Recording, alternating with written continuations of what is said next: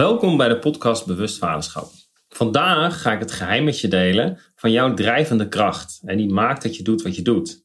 Zodat je dus ook zicht krijgt bijvoorbeeld waarom je uh, het gevoel hebt dat je meekijkt in de opvoeding. In plaats van dat je bezig bent om het verschil te maken. Om echt van betekenis te zijn en een bijdrage te leveren. Het zal niet voor iedereen gelden, niet voor alle vaders. Maar als je dit herkent, luister dan vooral verder. Van de week vertelde een vader van mij hoe hij dus dit gevoel heeft. Dat hij meekijkt in de opvoeding. Als ondernemer is heel veel bezig met zijn werk. En hij vertelde eigenlijk dat hij graag meer voor zijn kinderen wil zijn, voor zijn drie kinderen. Alleen dat hij dus ervaart, als hij dus alleen is met zijn kinderen, dat het dan nog wel gaat. Maar als mama komt, dat die gezichtjes naar mama toe gaan en dat hij dan meteen de aandacht en de verbinding kwijt is. En zijn vraag aan mij was dan ook, ja, is dat normaal? He, gehoord zo dat moeders een betere band hebben met hun kinderen? En toen zei ik ook, ja, je staat met 1-0 achter als vader, omdat er een fysieke connectie is tussen de kind en de baby, of de moeder en de baby. Alleen um, ook op één jaar geleefd, twee jaar geleefd, kan het prima zijn dat kinderen een betere band hebben met vader. Alleen je ziet dat niet heel veel. Dat kan dus wel. Nou, eigenlijk kan je ook kijken waar je staat door bijvoorbeeld um, eens te kijken als je kind een emotie ervaart. Hè, dus bijvoorbeeld verdrietig of pijn. En beide ouders, jullie zijn allebei beschikbaar. Naar wie loopt je kind dan? Loopt hij dan eerder naar je moeder of naar jou? Kan per situatie en per kind verschillen natuurlijk. Alleen het zegt heel vaak wel wat over waar je staat als vader. En dan weet je dus ook in hoeverre je vanuit optiek van je kind beschikbaar bent. Hè, voor waar je kind tegenaan loopt. En dat ze ook voelen dat je echt kan luisteren zonder oordeel. Dat ze zich bijvoorbeeld uitgenodigd voelen om nog meer te vertellen wat er echt speelt. En dat is natuurlijk ook echt heel fijn als je kan helpen. Dat is ook fijn voor kinderen. Alleen, dat is niet het belangrijkste, hoe raar het ook mogen klinken.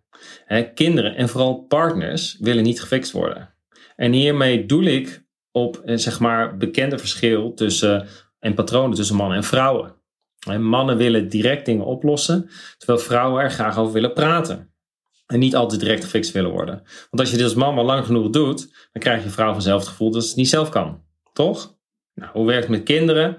Ook met kinderen doen veel vaders aan pleister plakken. Zowel letterlijk als figuurlijk. Ik heb het ook lange tijd gedaan. En dus mijn kind had pijn en ik plakte zo snel mogelijk een pleister erop. Om maar uh, te zorgen dat mijn kind geen pijn meer heeft. Of minder pijn krijgt. En ik wil het super graag goed doen. En ik zag ook dat ik ook van mijn eigen pijn af wilde. Want ik ervaar pijn. Ik ervaarde pijn als mijn kind pijn had.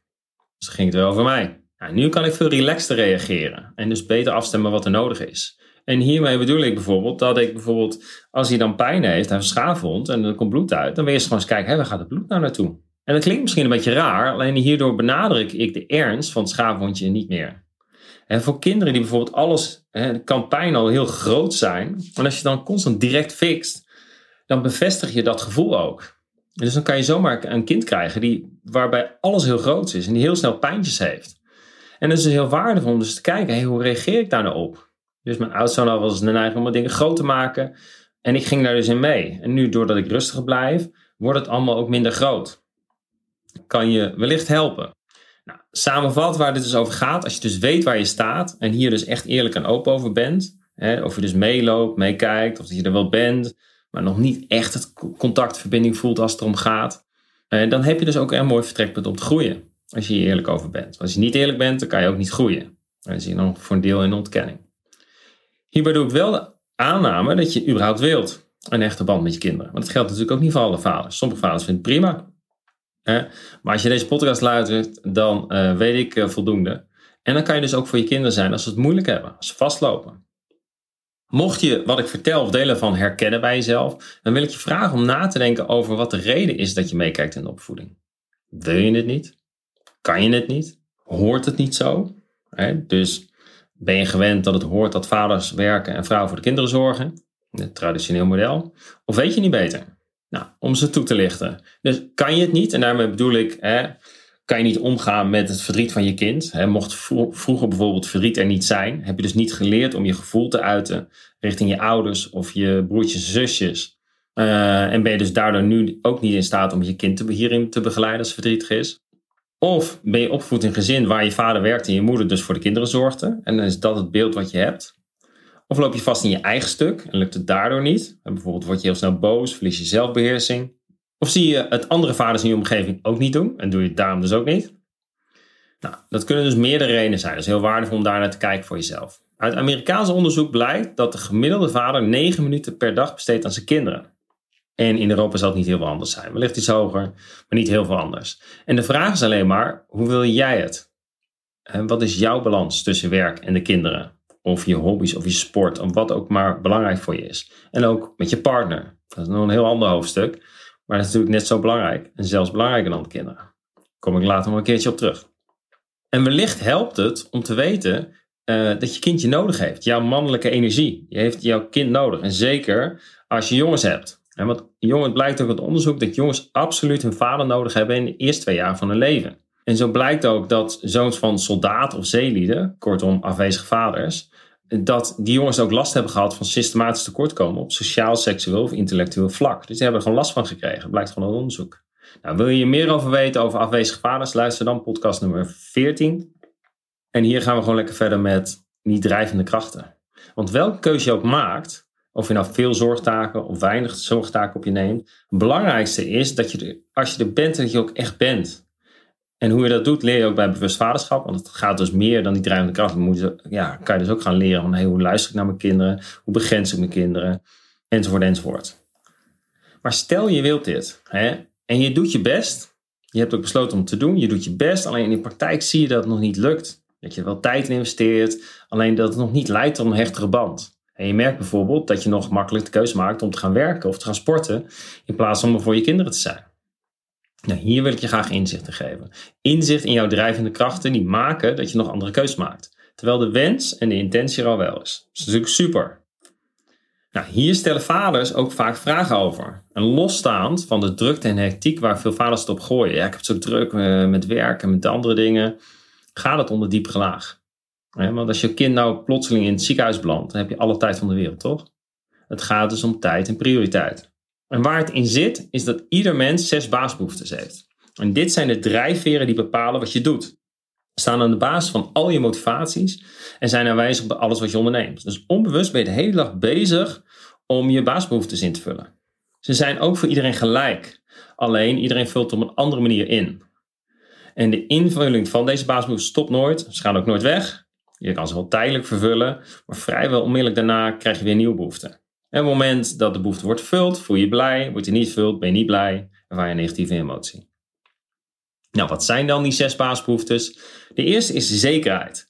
Dus ieder mens heeft behoefte aan zekerheid. Dak boven je hoofd, eten, drinken. En er zit ook een hiërarchie in. Dus dit is het laagste niveau. Dus dat begint mee dat mensen behoefte hebben aan zekerheid. Uh, zekerheid op liefde, zekerheid op uh, gezondheid bijvoorbeeld. Uh, en eigenlijk ook zekerheid vaak op comfort. Dus heel vaak zijn mensen met de primaire basisbehoefte zekerheid gericht op het vermijden van pijn uh, en het opzoeken van gemak, plezier, comfort. Terwijl als je wil groeien, dan ga je ook meteen naar de tweede stap, dus de eerste stap van groei, dan zal je wat meer onzekerheid in je leven mogen aanbrengen.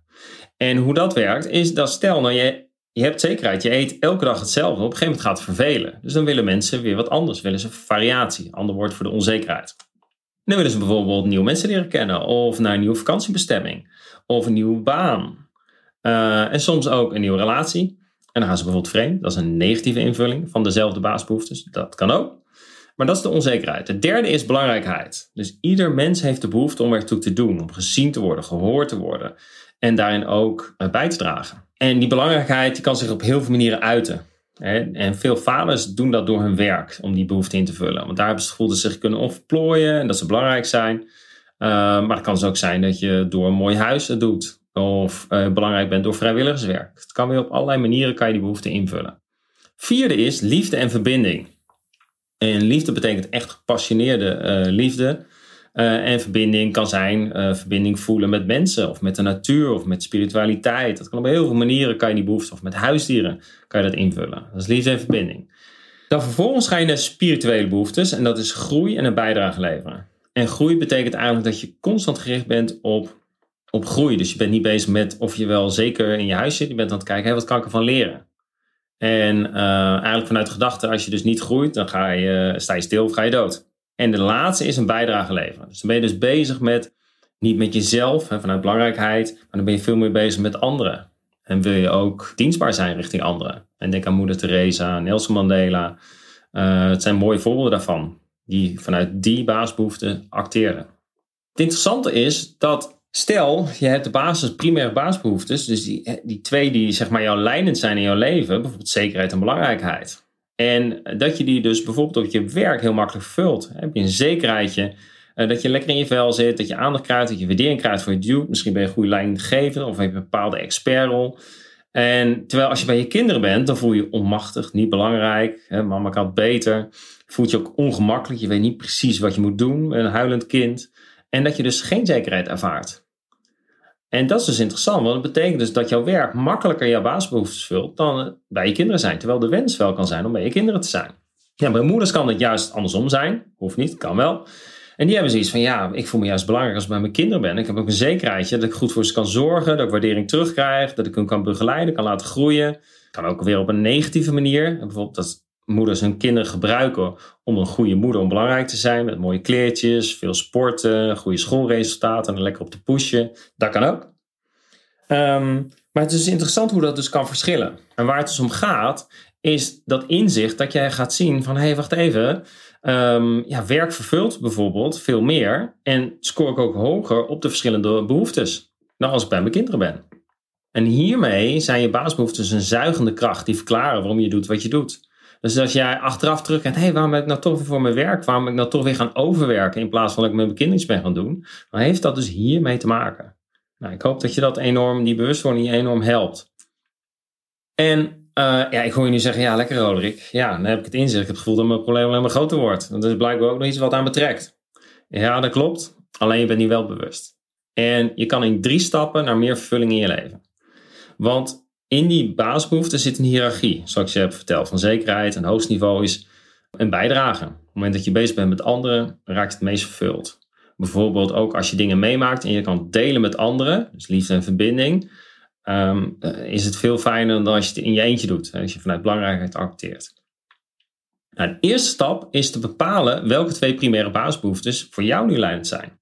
En wat dit betekent voor wat je wilt met je kinderen. En stel je vindt belangrijkheid belangrijker dan verbinding, dan kan ik voor je uittekenen welke keuze je maakt op dagelijkse basis. En dan kies je bijvoorbeeld om solo te gaan in plaats van samen met je gezin. Tweede stap is om te bepalen welke twee primaire basisbehoeftes je wilt, waar je naartoe wilt shiften mede gelet op je wens om meer contact te hebben met je kind. Maar denk ook aan de impact op andere onderdelen van je leven. Dus relaties, je werk, je financiën. Kortom, welke shift wil je maken om meer vervulling te krijgen in je leven? En zo ben ik geshift van zekerheid naar groei. En het heeft enorm veel impact op mijn leven gehad. concreet betekent dat ik nu kies om te leren van mijn kinderen als iets niet lekker loopt. In plaats van een controle en macht zet. Om weer uh, iedereen tot de orde te roepen. En ik hoef niet uit te leggen wat dit met de verbinding heeft gedaan. Nou, de laatste stap, de derde stap, is het bepalen van je voertuigen. En hiermee bedoel ik, voertuigen zijn dingen waar, die je gebruikt om je behoeften in te vullen. En dat kan op een positieve of negatieve manier. En wellicht kijk je nu bijvoorbeeld televisie naar werk. Dan ga je op de bank zitten, televisie kijken om te ontspannen. En terwijl ook je kinderen aandacht vragen. En kan je vanuit deze shift kan je gaan kijken van... hé, hey, wacht even, kan ik ook een ontspannende activiteit met mijn kinderen doen? Waardoor je je nieuwe behoeften aan het vervullen bent en dus per saldo ook veel blijer bent. Dit stukje over de basisbehoeftes. Heb jij nou behoefte om hier meer over te weten? Laat het mij vooral weten. En als je wilt onderzoeken wat jouw twee primaire basisbehoeftes zijn, stuur me dan een mail. Dan ontvang je van mij een test. En dan kan je dus ook kijken wat je, waar je hoger op scoort. En dan kan je ook zien wat jouw drijvende krachten zijn.